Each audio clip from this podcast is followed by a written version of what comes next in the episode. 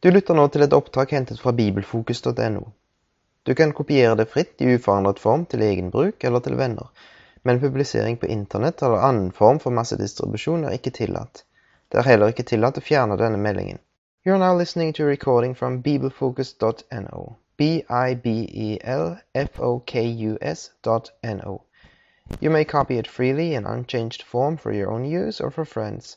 However, publishing the recording on the internet or any other form of mass distribution is not allowed. Also, this notice may not be removed. Before we start our last study on Ephesians, Før vi begynner på det siste, den siste timen om Efeserbrevet, I'd just like to make an observation over my last talk. så vil jeg bare komme med en bemerkning til med den siste talen min. I am aware that I have not mentioned singles in that talk, Jeg er klar over at jeg ikke nevnte enslige i den, eller single i den talen. and it's a pity, we should spend more time. Og det er synd, vi burde brukt mer tid. What I notice is that manhood and womanhood are, are not directly related to marriage. Men det jeg har lagt merke til, er at eh, det var mann og kvinne er ikke direkte relatert til ekteskap. You created a man before, you- from the beginning. You made a man or made a woman. Du er skapt til mann og kvinne før det. So when there is a marriage, we see how can we express the biblical concepts of manhood and womanhood in our marriage. Så når det oppstår et ekteskap, så k- må vi se hvordan vi kan uttrykke de bibelske konseptene av det var mann og kvinne i, i ekteskapet. And I noticed that if one of the is alcoholic or violent, it's very difficult to express these things. Og jeg har lagt merke til at hvis den ene er alkoholiker eller, eller voldelig, så er det voldsomt vanskelig til å And uttrykke then disse how do we tingene. express this manhood, womanhood in a church context?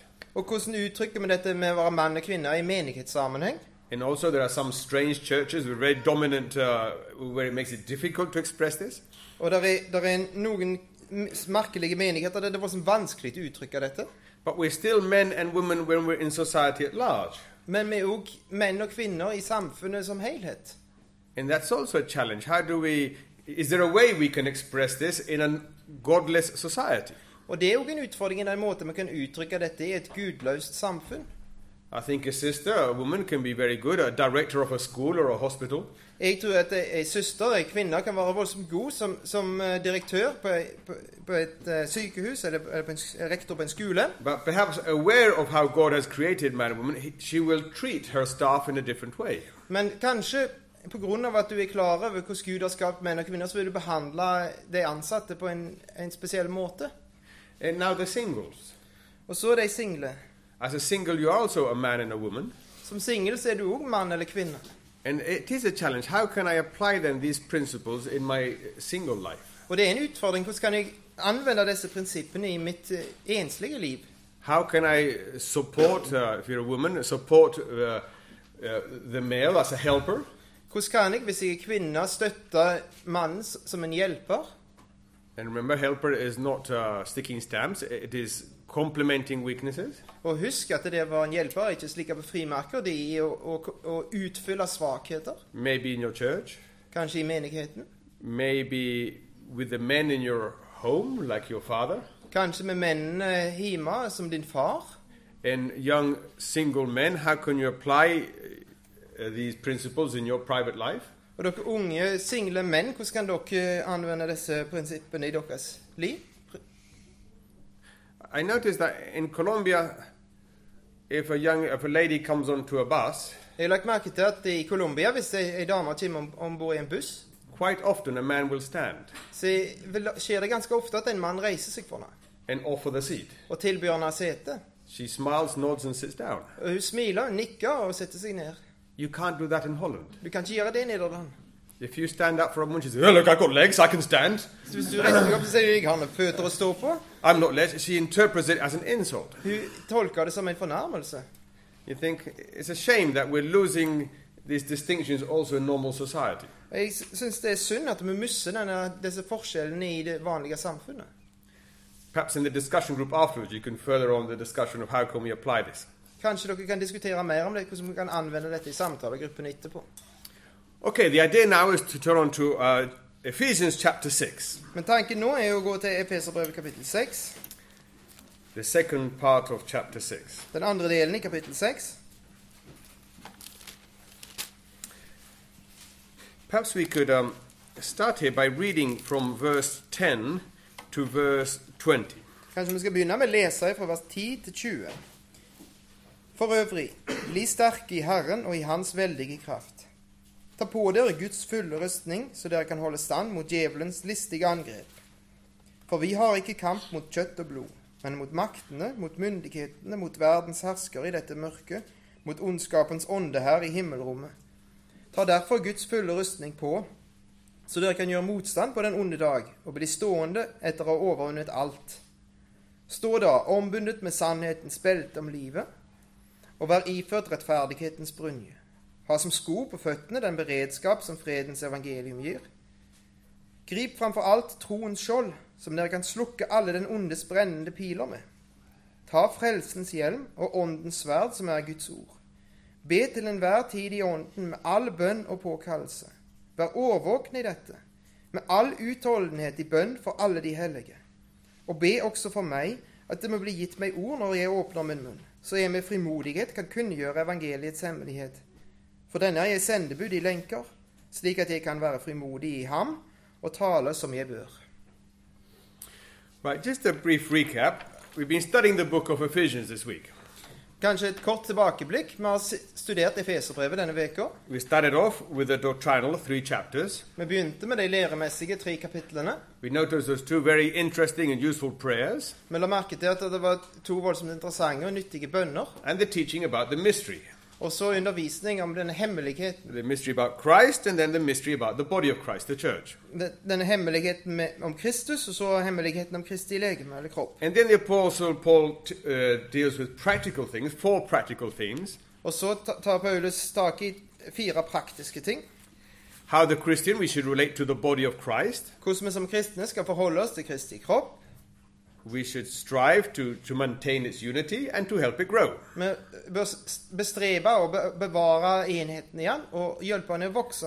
Then the Apostle Paul deals with our private life, Og så tar Paulus seg av eh, behandler han privatlivet vårt. and then he encourages us to take off things, bad things, Also, and of put course- on good things, Oppfordrer han oss til å legge av ting, dårlige ting, og så ta på oss gode ting. and to be and seek to be filled with the Holy Spirit. Og søke å bli fulgt med Den hellige ånd.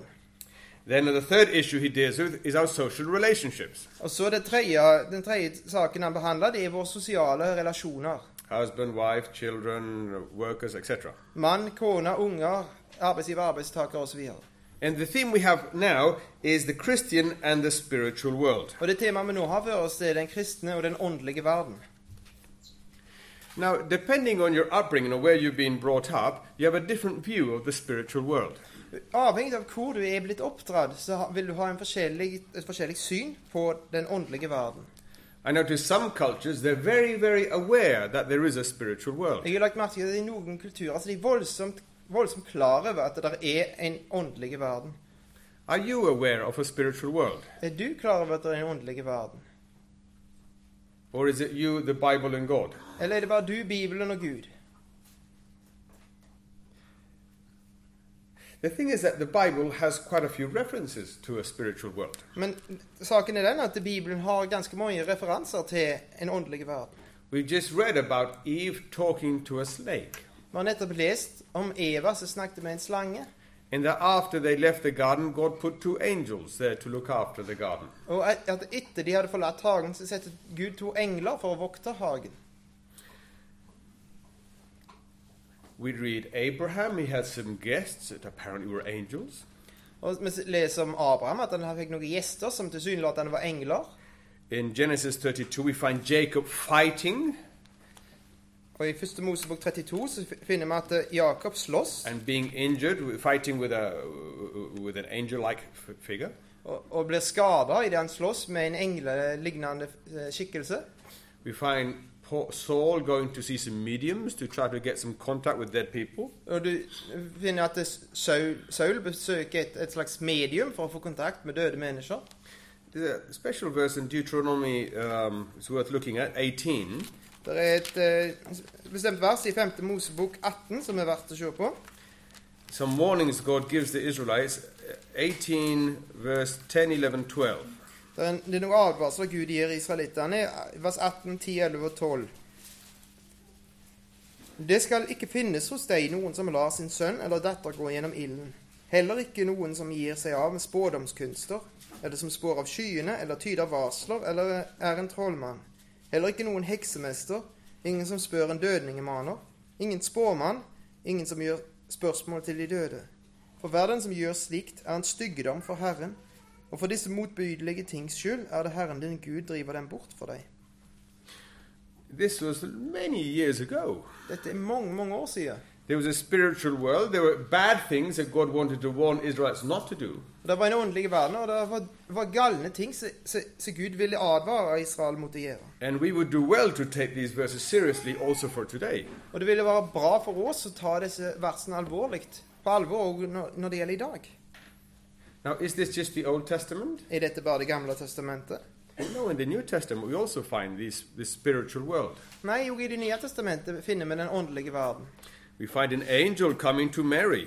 Vi finner en engel som kommer til Maria.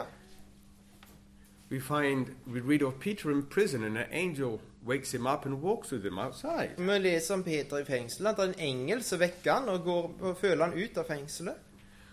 I read, or we can read lots of references to demons in the book of Mark. Og vi kan lese mange hen, henvisninger til demoner i I think Markusevangeliet. nearly every chapter in Mark has some reference to demons. Jeg tror at mest hvert eneste kapittel i Markusevangeliet inneholder en eller annen referanse til demoner. You find demons in men, in women, in children, Du finner demoner i menn og kvinner og, og unger, in regions, uh, i regioner, in animals like pigs. i dyr som svin. In 1 Corinthians po- uh, 10, Paul says that those who worship idols are really worshipping demons. I 1. Korinterbrev 10 så sier, Gud, sier Paulus at de som tilber eh, avguder, tilber i virkeligheten demoner. In the next chapter, he talks about the church and he says the angels love to look into these things Og i neste for the kapittel, sake of angels. neste kapittel så snakker han om menigheten, så snakker han om at englene elsker oss å se på disse tingene. In Hebrews, we're encouraged to ho- have hospitality, hospitality because sometimes we might ge- have guests who happen to be angels. Og i, i, i hebreerbrevet så må vi oppfordre til gjestfrihet, for det kan plutselig hende at vi får besøk av engler. So the Bible is very clear that there is a spiritual world. Så Bibelen er helt klar på at det er en åndelig verden. Now, those of us who are more kind of Western, we, we would like to see things. Men de av oss som er litt mer vestlige, vi liker å se ting. But there are very real things that we can't see. Men det er voldsomt reelle ting som vi ikke kan se.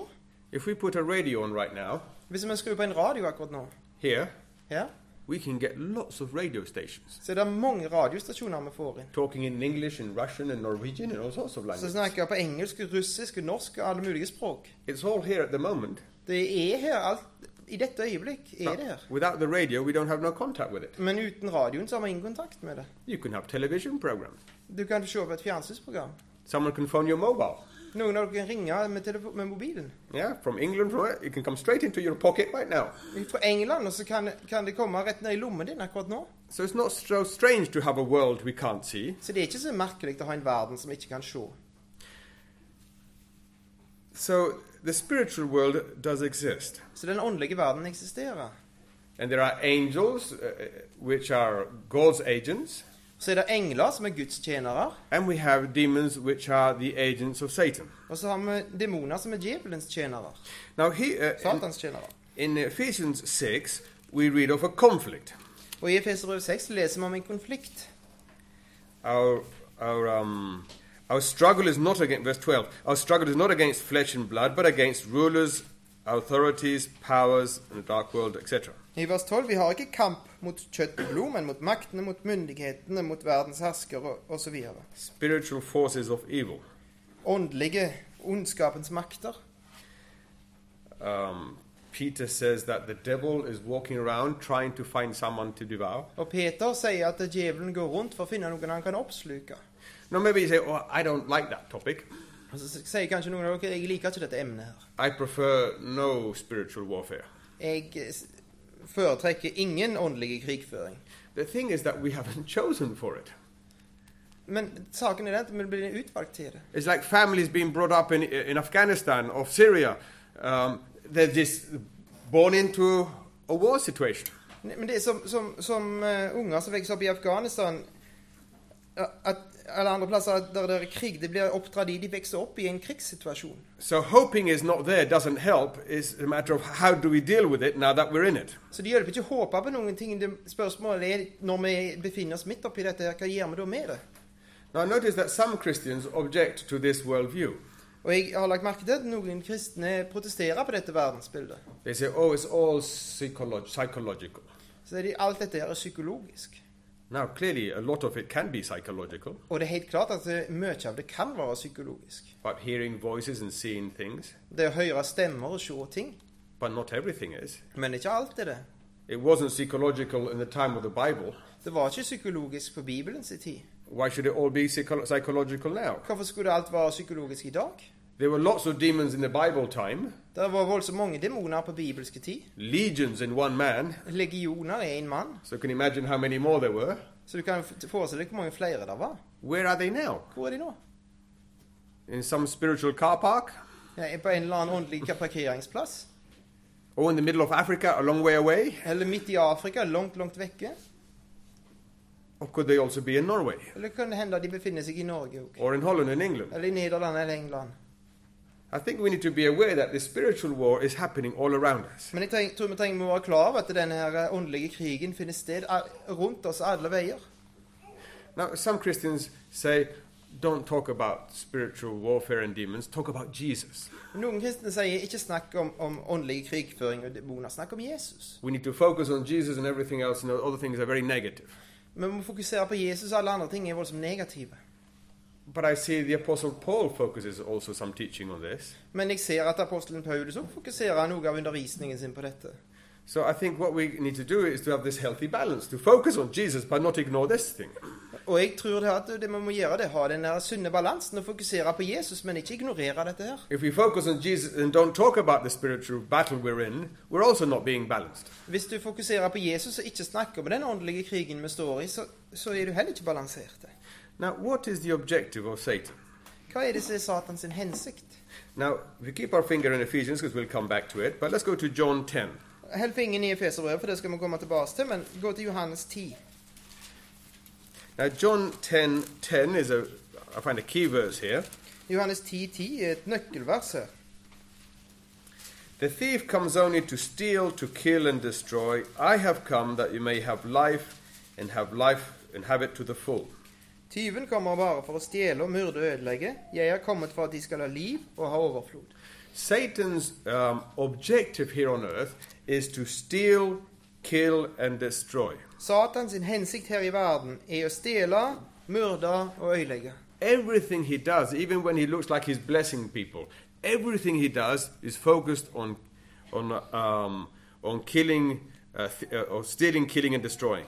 Alt han gjør til og med når det ser ut som han, ser ut som han velsigner folk, er fokusert på å stjele, myrde og ødelegge. He gets people crazy with voices, Han får folk til å bli helt sprø med stemmer, and they want to commit suicide. og de vil begå selvmord.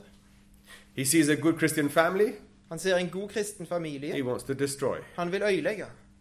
cause divorce. Skape skilsmisse. He sees good friendships or good fellowship in a Christian church. Han ser god vennskap eller godt fellesskap i en kristen menighet. He's come to kill, to destroy. He'll find his way to damage the harmony in a local church. Han er kommet for å myrde og ødelegge. Han, han vil prøve å finne en måte å ødelegge harmonien i den lokale menigheten. I'm aware of how, in a few years, in the last years, how important Christian fellowship is. Jeg er blitt mer og mer klar over de siste årene hvor, hvor viktig kristent fellesskap er. I'm glad this week is, you know, we can spend time together and encourage each other. Jeg er glad for at vi kan være denne, her i lag denne uka og, og, og tilbringe tid sammen og oppmuntre hverandre. In seeing the value of Christian fellowship, I can see why Satan attacks so much and d- causes disharmony between Christians. Og når jeg ser verdien av kristent fellesskap, så ser jeg jo hvorfor djevelen angriper så mye og prøver å skape disharmoni mellom kristne. Causing suspicions and distancing between, between believers. Og, og skape mistenksomhet og avstand mellom krist- troende. Now, what is Satan's strategy? Hva er Satans strategi? I think the first thing he does is to oppose conversions. Det første han gjør, det er å s- altså s- prøve å sørge for at ingen omvender seg. That's why evangelism is no easy task. Og Derfor er evangelisering ingen lett oppgave. I think he's actively f- seeking ways to blind people to the gospel, Jeg tror han s- søker aktivt å, å finne måter å blinde, gjøre folk blinde for evangeliet. and keeping uh, in, in keeping us Christians uh, discouraged not to not to bring the gospel. Og prøver å se- helle oss eh, kristne så motløse at vi ikke evangeliserer. But fortunately, the Holy Spirit is active, also touching hearts for conversion. Men heldigvis er Den hellige ånd også aktiv og berører hjerter sånn- til omvendelse. So thank God, people do become Christians. Så gudskjelov så blir folk kristne. And when Satan sees that he's lost someone, that he's become or she's become a Christian, Og når Satan ser at han har mist en eller annen, denne, han eller hun er blitt en kristen, I think Satan changes strategy and he seeks to distract and paralyze. så tror jeg at eh, Satan skifter strategi, og så prøver han å distrahere og paralysere. If he can keep you and me distracted or paralyzed, at least we do nothing useful in the kingdom. Så hvis han kan helle oss distraherte eller lamme, så, så, så gjør vi iallfall ikke noe nyttig i Guds rike. So he'll find ways to distract us from reading God's word. Så han vil prøve altså å få, få, finne måter å distrahere oss vekk ifra å lese i Guds ord. Too busy, For travle, Facebook, Facebook, internet, Internett, sports, sport. good, bad things, everything, anything to keep us busy and away from God's word. Gode ting, dårlige ting, hva som helst bare det kan helle oss så travelt opptatt at vi heller oss vekk ifra Guds ord. He seeks ways to keep us away from Christian fellowship. Han søker måter å helle oss vekk ifra kristent fellesskap. He knows that fellowship is like a little fire. You, know, your stick is in the fire, you start, you start burning quite nicely. Han, han eh, ser at, det, at det fellesskapet er som en liten, som et lite bål. Hvis du har pinnen inni bålet, så begynner han å brenne ganske godt. And I realize here in Norway, sometimes finding a local church is difficult, Og jeg har forstått at det her i Norge kan det være vanskelig av og til å finne en lokal menighet. but Christian fellowship is really necessary. Men kristent fellesskap er, er, er virkelig nødvendig. It's not a luxury for those who can, you know, those who want it. Det er ikke en luksus for de som ønsker det. You need to, we need to form small, small communities, but communities where we can care for each other. Vi må, vi må danne fellesskap, små fellesskap der vi kan ta vare på hverandre. Maybe without buildings, maybe in houses like at the beginning, but where we can care for each other. Kanskje uten bygninger, kanskje i himer, som i begynnelsen, men der vi kan ta vare på hverandre. Satan will seek to keep us away from communion with the Lord. Og Satan vil søke å helle oss vekk fra samfunnet med Herren. And he's an expert of, he's got experience on how to keep Christians away from communion. Og han har erfaring med hvordan han kan helle kristne vekk fra samfunnet. It can be through friendships, Det kan være gjennom vennskap, through your work. gjennom arbeidet. I find it can also keep us away from the Lord through also Bible study. Jeg tror han har funnet ut at han kan også helle oss vekk fra Herren gjennom en slags bibelstudie. I can sometimes spend a whole day bu- studying the Bible, but no real fellowship with the Lord. I'm studying the Bible. Jeg kan til- av og til tilbringe en hel dag med å studere Bibelen, men ikke ha noe reelt samfunn med Herren. Yeah, studying the Bible is not fellowship. For det å studere Bibelen er ikke samfunn. Like cooking, you can die of hunger in a kitchen, Så- så- Som å lage mat. Du kan dø av svolt i et kjøkken. making nice food but not eating. Du lager i grunnen flotte mat, men du spiser den ikke. And he will try to stop us using our gifts to serve the Lord. Og han vil prøve å hindre oss i å bruke gavene våre for å tjene Herren. Yesterday we talked about forgiveness. I år så snakket vi om tilgivelse. I think that's another area where Satan can bind us and stop us from being useful for the Lord. Og jeg tror det er et annet område der Satan kan binde oss og hindre oss i å være nyttige for Herren. Yeah, just by not forgiving, we have a bitterness, we lose freedom, and we're less useful to the Lord. For ved å ikke tilgi, så blir vi bitre, og så har vi, ikke, har vi mindre frihet, og så kan vi ikke være nyttige for Herren. One of the names of Satan is the father of lies. Et av navnene på Satan er løgnens far. Now, that's not a very nice title, Og det er ikke en spesielt fin tittel, but it's quite appropriate. men den er ganske passende. Now, the danger with lies is that if we believe them, we can be controlled by them. Og faren med løgner er at hvis vi tror på dem, så kan vi bli styrt av dem. Look, if I can convince David that his house belongs to me, Hvis jeg kan overbevise David om at huset hans tilhører meg, you know, a long conversation, and somehow, yes, he's going, oh, yeah, I'm living in this house and it belongs to Philip. Altså, Etter en lang samtale så er han- blir han overbevist om at ja, jeg bor i dette huset, men det er Philips sitt hus. Before I go to Holland, I can start charging rent. Så kan jeg begynne å så ta leie av han før jeg reiser tilbake til Nederland. And every month he'd be putting rent money into my account. Og hver måned så setter han penger inn på kontoen min. It's when he believes the lie that somehow he's caught in with the lie. Og det er når han tror på løgnen, at han blir fanga av løgnen, på en måte. And Satan's an expert of giving us bits of, li- bits of lies. Og Satan er en ekspert på å gi oss sånne løgner. You can never really be happy until you have a big house. Du kan, blir aldri skikkelig lykkelig før du har et stort hus. You can never really be happy until you're married. Th- You know, without that, you're always going to be a second-rate person. Du kommer aldri til å bli skikkelig lykkelig før du blir gift. Før det så vil du være en annenrangsperson. He sells us a definition of success, and we buy it, we believe it, and then we're running just like the unbelievers. Og han, se- han selger oss en definisjon på, på, på, på suksess, på å være vellykka, og så tror vi på det, og så springer vi etter det, akkurat som de ikke-kristne. We join the rat race, and there we are, Christians, but not very useful for the Lord. Vi slutter oss til rotteracer, så der er vi kristne, men vi er ikke nyttige for Herren. Satan also tries to give us lies about ourselves. Satan gi- prøver også å gi oss løgner om oss sjøl. He tries to give us the idea that, oh, I'm ugly. Han prøver å gi oss tanken Å, jeg er stygg. You look at yourself in the mirror and think, oh, hmm, my ears, my nose, I don't know, I would like something different. Ser deg sjøl i speilet, så- ørene mine, nesen Men jeg vil tenke meg det var litt annerledes. Or maybe you got a bit of a hot character and you think, no, I was born this way, this is the way I am, I can't change. Eller kanskje du har litt, litt eh, hett temperament, og så tenker du at jeg er født sånn, jeg kan ikke forandre meg, det er sånn jeg er. And if you believe you can't change, you won't change. Og hvis du tror at du ikke kan forandre deg, så kommer du ikke til å forandre deg.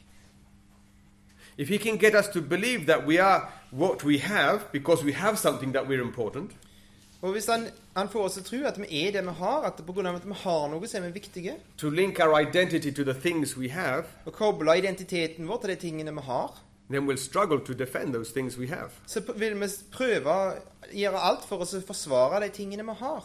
He'll try to make us link our identity to our feelings. Og han vil prøve altså å få oss til å, å koble identiteten vår til følelsene våre. I am what I feel I am. Jeg er det som jeg føler at jeg er. That's not true. Og det er ikke sant.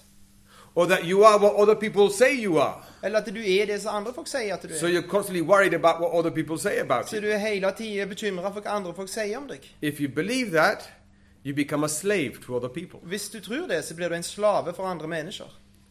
Or that you are what you do. Eller at du er det du gjør. So you're busy doing, doing to defend your identity. Så du er travelt opptatt med gjøre og gjøre for å beskytte identiteten din. No, we, we are what God says we are. Nei, vi er det som Gud sier vi. er. And we as Christians, you're a light. Og du som en kristen, du er et lys. You are a child of God, Du er et Guds barn. friends of Jesus. Jesu venn. You're a man, you're a woman. Du er en mann, du er en kvinne. You're beloved, you're loved by God. Du er elska av Gud. Another way Satan seeks to paralyze Christians Og En annen måte Satan prøver å lamme kristne på, is through religion. det er gjennom religion. Now, religion is like an anesthesia. Religion det er som et bedøvelsesmiddel. When you've got a bit of religion, you kind of feel a bit drowsy. Når du har fått tak i litt grann religion, så kan du bli litt søvnig. Or if you want another illustration, religion is like sweets. Eller hvis du vil ha en annen illustrasjon eh, religion er som søtsaker. If you had lots of sweets, you lose interest in the lunch. Hvis du har fått i deg mye søtsaker, så mister du interesse for middagen. When you've had enough kind of religion, then you don't really, you lose the passion for God, for Jesus. Hvis du har fått nok av religion, så, så mister du lidenskapen for Jesus. Sometimes Satan helps Christians be addicted to a sin. Av og til så hjelper Satan sånn at kristne blir avhengige av ei synd. An addiction to alcohol or to drugs, En avhengighet av alkohol eller narkotika. to pornography or to the internet. Eller pornografi eller internett. But there's another way Satan used to paralyze Christians, Men det er en annen måte Satan bruker for å lamme kristne. and that's the active use of his demons. Og det er den aktive bruken av sine demoner. Now, I think it was year 2001 that we emigrated to, we moved to Armenia this new, just to help start this new assembly. Jeg tror det var i 2001 da vi flyttet til Armenia for å så begynne den eh, nye menigheten. You- You saw a photograph of the bookshop um, two nights ago. Dere så en, eh, et fotografi av, av eh, bokhandel for to kvelder siden. A few weeks after we arrived there, I received a phone call. To veker, eller Noen uker etter vi kom der, så, så fikk jeg en telefon. And it was a lady called Fabiola, about 10 years older than I am, Og Det var ei dame som heter Fabiola, som var ca. ti år eldre enn meg. so quite young still. Så fremdeles ganske ung. Now, she phoned me to welcome you. Oh, wel- welcome in Armenia. I'm so glad you've come here to live. Og så sa hun 'Velkommen her i Armenia, jeg er så glad for at dere kommer her for å bo her'. When I was a young boy, she used to live in our house. Når jeg var en unge gutt, så pleide hun å bo i huset vårt. We were five children, so she lived with us and would help my mother with cooking and clearing things around the house. Og vi var fem unger, så hun, pleide, å bo- hun bodde der, og så hjalp hun kona mi med å lage mat og rydde i huset og sånt. What I remember is that sometimes at night she would scream really loud Og så husker jeg at om, k- av og til om kvelden så skreik hun skikkelig høyt. and she would see demons everywhere Og hun så demoner overalt. and she would grab my mother and she was she was Jesus and everybody everything else was demons. Og så greip hun tak i mor mi, og hun var Jesus, og alt annet var demoner. So we had people come to pray for her. Og så fikk vi folk til å komme og be for henne. A number of times she'd go to the mental psychiatric home Og f- flere ganger så, så havna vi på mental institusjon. and two or three weeks later she'd be back living with us. Og etter to-tre uker i psykiatrien så kom hun tilbake for å bo i lag med oss. No, so I'd lost contact. I'd be, you know, I'd lost contact with her for a number of years. Men jeg hadde mye kontakt med henne i, i, må- i mange år. But because I moved into town, she phoned to say hello. Men siden jeg flyttet til byen, så ringte hun for å si hallo. So I asked her, I said, Hey Fabiola, and how are you doing? Og så spør, sa jeg 'Hei, Fabiola, hvordan går det med deg?' And she says, Oh, praise God, I'm doing so well. Og så sier hun 'Å, 'Prise Gud, det går så bra med meg'. Now, Colombians don't usually speak like that. Ja, Colombianere de pleier ikke å snakke sånn. The normal Colombian thing is, Yes, I'm working hard, I- I'm in the fight, uh, you know, a bit more moderate. Den normale colombianske måten å gjøre det på, det er å si at 'ja, jeg jobber hardt, jeg er midt i kampen, men det går ganske bra'. So when she was so enthusiastic, I thought there must be something wrong. Så når hun var så entusiastisk, så tenkte jeg 'her må det være noe Maybe she's galt'. in love or something. Kanskje hun er forelska eller noe sånt. and she said, Hey Philip, do you remember what would happen to me in your house uh, years ago? Så sier hun 'hei, Philip, husker du hva som skjedde med meg når jeg, når jeg var, bodde hos dere for mange år siden'? Now she's a Christian lady. Hun er kristen dame. She was a Sunday school teacher at that time. Hun var søndagsskolelærer på den tida. And she said, That's been continuing all these years until very recently. Og det har fortsatt i alle disse årene, helt til nylig. And then I've had some, uh, some prayer times and some studies with two Christian ladies. Og så har jeg hatt noen bønnesamlinger og bibelsamlinger med, noen, med to kristne damer. They've used a booklet, a a guidebook by Neil Anderson, and maybe some of you know this booklet of uh, Steps to Freedom. Og dere, vi, vi brukte et hefte av Neil Andersen, noen av dere kanskje kjenner, s- 'Skritt mot friheten'. And I've learned to be free. Og jeg har lært å være fri. She said, Until very recently, at, on f- Saturday evenings, I would feel that thing coming into the house. Inntil voldsomt nylig så vil jeg kjenne på lørdagskveldene denne tingen komme inn i huset. I would feel it grab my leg. Jeg vil kjenne at den, han tok tak i foten min. Most Saturday Vehement. evenings, I don't sleep well. I'm, I'm, I'm, I'm agitated. Og de fleste lørdagskveldene så ser jeg ikke godt. Jeg er helt opprørt. But she says, Now I know what to do. Men nå vet jeg hva jeg skal gjøre. When she feels the thing coming into the house, Når jeg kjenner at denne tingen kommer inn i huset, she says in a loud voice, In the name of Jesus, go away. så sier hun med høye stemme i Jesu navn, gå vekk. And do you know what, Philip? Og vet du hva, Philip? I said, What? Hva? It goes away. Det forsvinner. And I sleep like a baby. Og jeg sover som en liten barn. And on Sundays, I can concentrate in the breaking of bread, and the, I can worship God, and, and my mind is clear. Og så på søndagene så kan jeg konsentrere meg over brødsprøyten, så jeg kan tilbe Gud, og tankene mine er klare. I'm so happy. Jeg er så glad. So, what could I say? I said, Oh, um, I'm very happy for you. Hva kunne jeg si? Ja, jeg er voldsomt glad for dette. And then she said something I've never forgotten. Og så sa hun noe som jeg aldri har glemt. She said, I've been in brethren churches for 30 years. Så, sa- så sa hun at jeg har vært i brødremenigheter i 30 år. Why has no one told me this before? Hvorfor er det ingen som har fortalt meg dette før? I felt this more. Jeg følte meg så liten.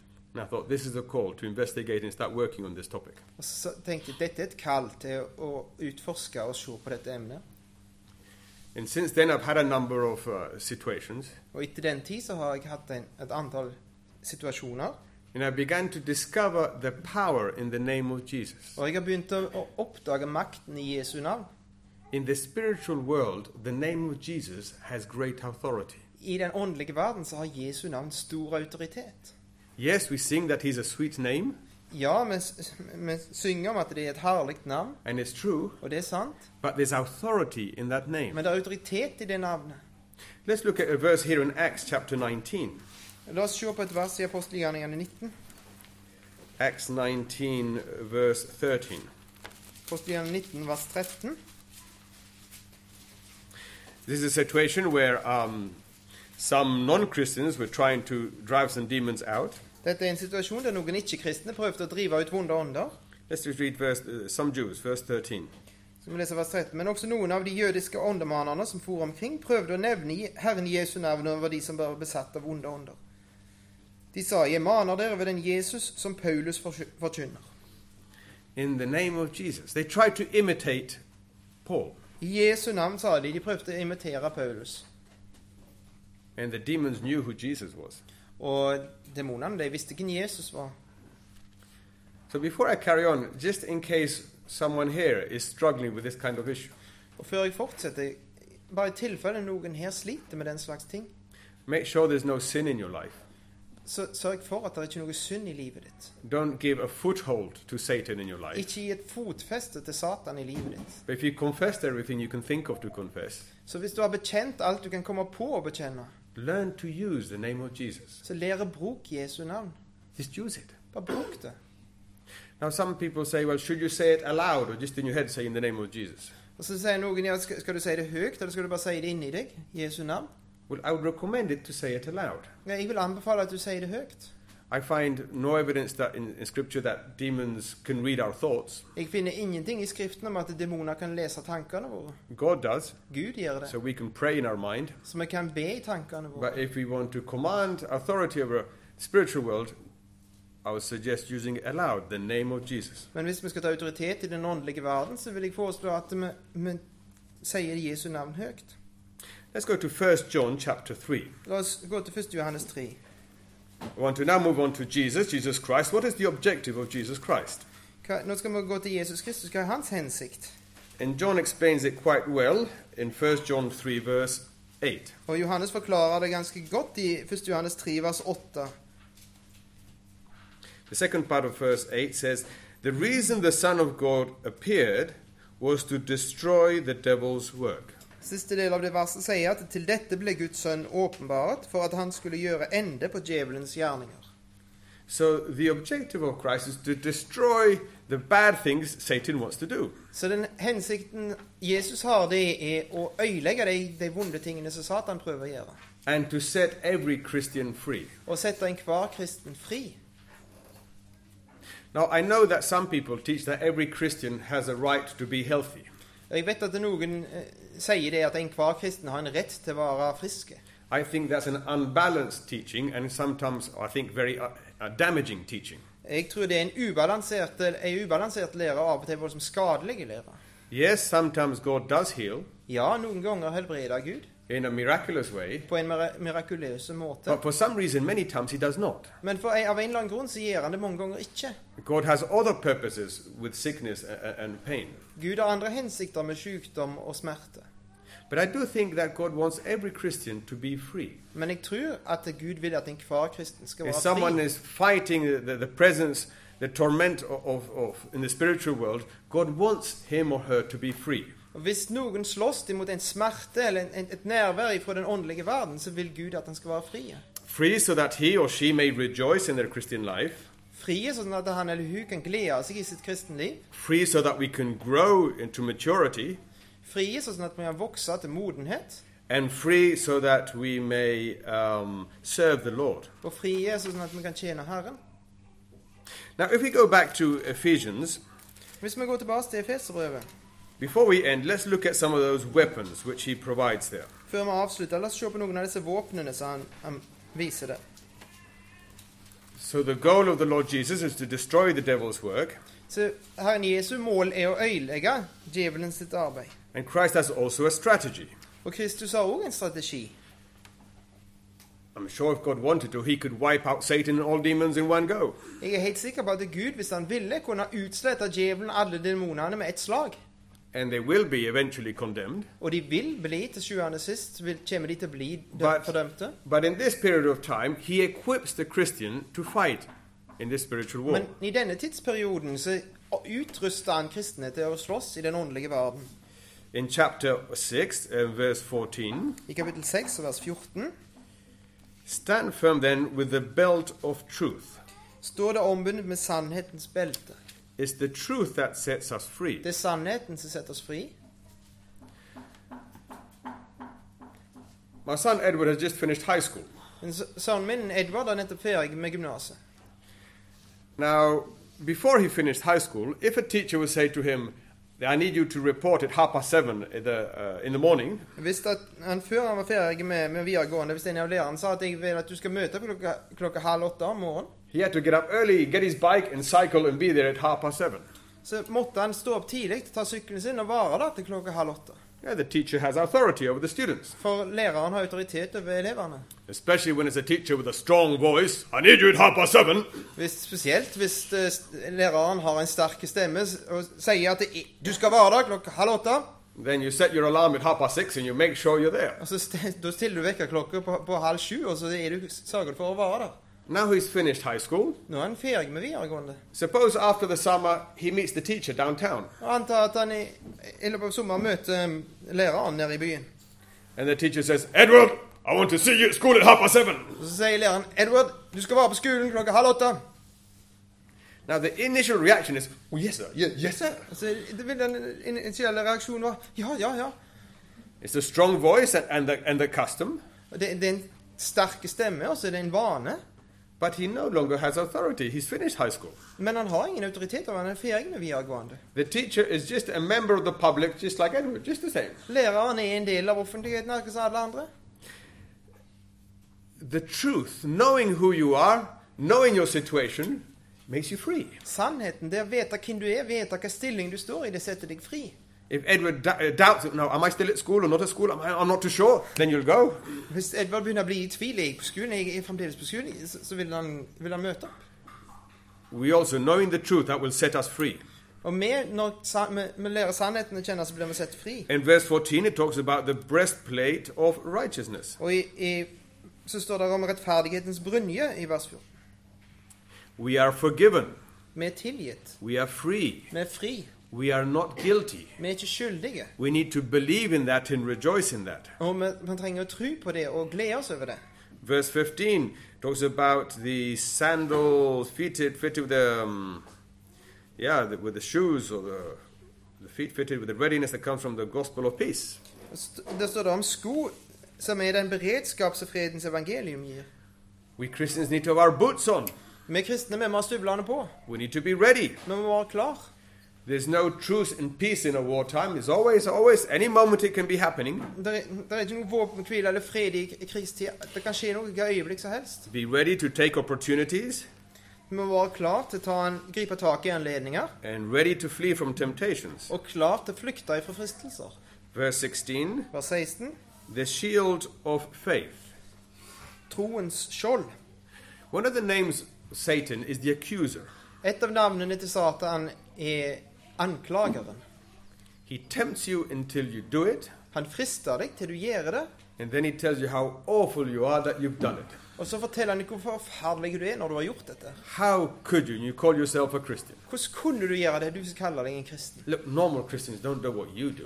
Van- Vanlige kristne gjør ikke det som du gjorde. And you begin, begin to go down. Så begynner du å gå nedoverbakke. And we begin, he attacks us with regrets. Og så begynner disse angrepene i denne angeren.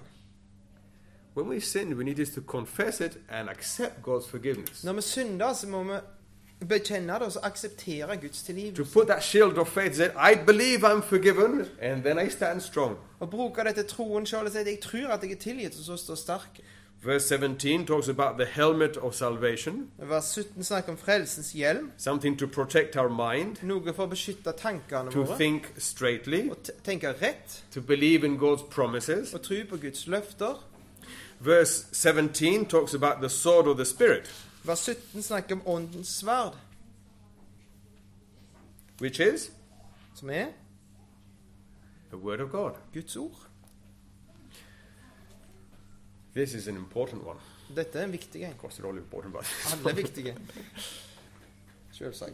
When, when, when Satan started attacking Eve, Når Satan begynte å angripe, E- angripe Eva, he said, Did God really say? så sa han Har Gud virkelig sagt? It's a very modern strategy. Det er en ganske moderne strategi. Does the Bible really say? Sier Bibelen virkelig? I know the Bible says it, but does God really say? Jeg vet at det står i Bibelen, men sier Gud virkelig? If he can cause us to doubt what God really says, Hvis we're han kan lost. få oss til å tvile på hva Gud virkelig sies, så har vi tapt. We need the word of the Spirit. Vi trenger Åndens ord. I became a Christian when I was about 11, 12 years old. Jeg ble en kristen da jeg var 11-12 år gammel. But for a number of years, two or three years, I did not enjoy being a Christian. Men i to-tre år så gleda jeg meg ikke over å være en kristen. I always doubted, now, am I, am I really a Christian? Jeg tvilte alltid er jeg virkelig en kristen nå. When my oldest brother Andrew became a Christian, he felt, he, he told me, I felt a peace in my heart. Når, når min eldre bror Andrew ble en kristen, så fortalte han meg at jeg følte en sånn fred i hjertet. When I gave my life to Jesus, I felt nothing. Men når jeg gav livet mitt til Jesus, så følte jeg ingenting. So I did it again. Så jeg gjorde det igjen. And a week later, again. Og ei uke senere igjen. And when I was heard someone preaching, they said, Would you like to receive Jesus? I'll do it again. Og når noen hørte noen som som forkynte og sa 'Vil du ta imot Jesus?', så gjorde jeg det igjen. When I find a little Bible tract with a little prayer at the end, oh, that looks a little bit different from what I've done. I'll do this one too. Og så fant jeg en traktat med en liten bønn på slutten, og så så det så litt annerledes ut enn det jeg har gjort, så gjorde jeg det òg. It's very unsettling when you're not sure. Og det er voldsomt u u Det skaper en voldsom uro når du ikke er sikker. How do you get over that? Hvordan for, kommer du videre derifra? The sword of the Spirit, Åndens sverd, the Word of God. Guds ord. Find a few promises and believe them. Finn et par løfter, og så tru på dem. He who comes to me, I will in no ways cast out. Den som kommer til meg, han skal jeg aldri støte ut. Yeah, if we receive Jesus, we are sons of God. Hvis vi tar imot Jesus, er vi Guds sønner. So I memorized a few Bible texts. Så jeg lærte noen bibeltekster utenat. And when I had doubts, I would just repeat those verses to me. Og når jeg begynte å tvile, så gjentok jeg disse versene. That's the way Jesus defended himself from attacks from Satan. Det er den måten Jesus forsvarte seg sjøl mot angrep fra Satan på. It is written, and that seemed to settle matters. Det er skrevet, og det s- gjorde, slo saken, gjorde saken So if fast. you also have doubts in different areas, look for scriptures. Hang on to them, defend yourself with them. Og hvis du har tvil på, på noen områder, så søk etter, etter bibelvers og be, be- bruk de til å beskytte, beskytte deg. God's word is the sword of the spirit. Guds ord er åndens sverd. And then the last few verses here in the chapter talk about prayer. Og de siste versene i dette kapitlet snakker om bønn. Prayer activates God's power. Eh, Bønn aktiverer Guds kraft. It's a spiritual weapon. Det er et åndelig våpen. It's time to finish, to conclude. Det er på tide å konkludere. What have we seen this after this uh, session? Hva har vi sett i den, denne timen? I hope that we become a bit more aware that we live in a spiritual war. w- Uh, war. Men jeg håper at vi er blitt litt mer klar over at vi befinner oss i en åndelig krig. Even though we don't see things, there is a spiritual conflict going on. Selv om vi ikke ser ting, så er det en åndelig konflikt som pågår. It's not a neutral world we live in. Det er ikke en nøytral verden vi lever i. What comes through films, what comes through radio, what comes through society is not neutral. There's a strong anti God current. Og Det som kommer gjennom film og radio og, og, og ellers, det, det, det har en sterk ondestrøm som er mot Gud. The apostle calls it the prince of this air. Og, og eh, apostelen kaller han for luftens makter. I hope we've been reminded again today that Satan has come to steal, kill, and destroy. Jeg håper det blir minnet igjen på at Satan er kommet for å stjele, myrde og ødelegge.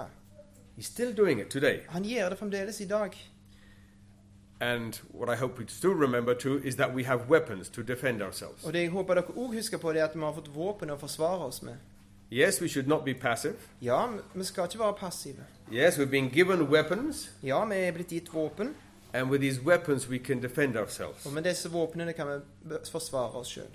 And the name of Jesus is a fantastic weapon in our stride. Og Jesu navn er et fantastisk våpen i denne kampen.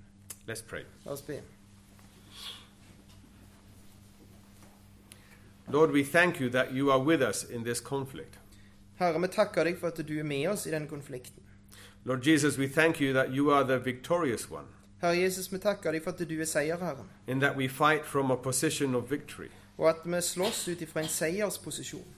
Lord, I pray for each one here this morning Og jeg ber Herre for hver enkelt i formiddag, that we would enjoy that freedom, that victory which you have won. at vi kan få nyte denne friheten, denne seieren du har vunnet. Lord, that we would live conscious of the battle we're in, At vi kan leve bevisst på den kampen vi står i, that we would use these weapons you have given us, og at vi kan bruke disse våpnene du har gitt oss. and that we would enjoy that freedom. Og at vi kan få nyte denne her friheten. We pray in Jesus' name. Amen. Og vi ber i Jesu navn. Amen.